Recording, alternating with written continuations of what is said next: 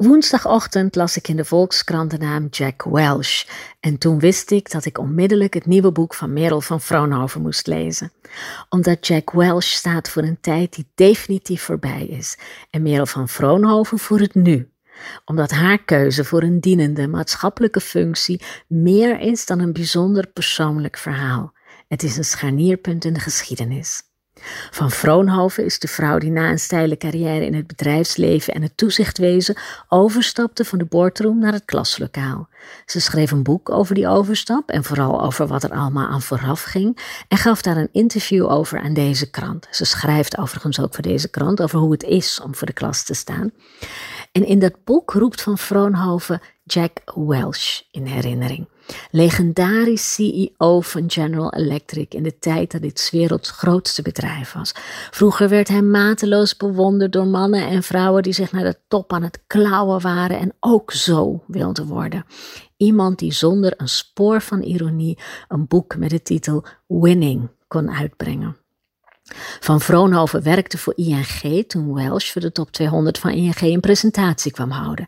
Hij oreerde over wegsnijden wat niet rendeert, over kappen van doorhout en over eruit gooien van underperformers. Underperformance, dat zijn de 10% slechts presterende werknemers. Elk jaar opnieuw. Want zo creëer je aandeelhouderswaarde. Zo win je. Staande ovatie voor Welsh. Van Vroonhovens boek, dat De Stap heet, laat zich uitstekend lezen met op de achtergrond het geroezemoes van de algemene politieke beschouwingen. Want ook bij politieke partijen die lange tijd hartstochtelijk in het concept winnen hebben geloofd, is langzaam het besef aan het indalen dat een samenleving niet alleen uit winnaars kan bestaan. Dat het waanzin is om te proberen omschrijven wat dat überhaupt is, een winnaar. Welsh is dood.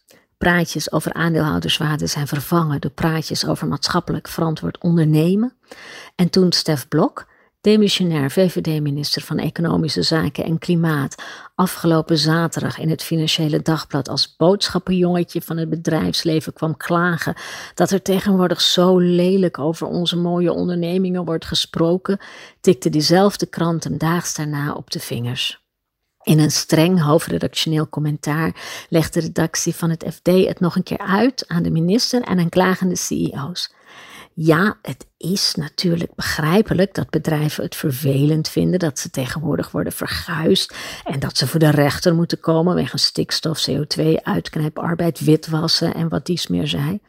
Maar, schrijft de commentator van dienst, en ik citeer: De klachten bewijzen dat de bestuurders de veranderende tijdgeest niet aanvoelen. De tijd is voorbij dat bedrijven in Den Haag konden aankloppen met een wensenlijstje. Burgers, maatschappelijke organisaties en politici vragen van het multinationale bedrijfsleven steeds nadrukkelijker een bijdrage aan het oplossen van maatschappelijke vraagstukken als klimaatverandering en ondermijning. Juist nu kunnen zij zich onderscheiden door in hun bedrijfsvoering aansprekende stappen te zetten die duidelijk maken dat zij financiële offers brengen en verantwoordelijkheid nemen in het belang van de De huidige tijd vraagt leiders, zowel in politiek als bedrijfsleven, die het juiste doen, ook als niemand kijkt. Einde citaat. Ook als niemand kijkt. Dat is de crux.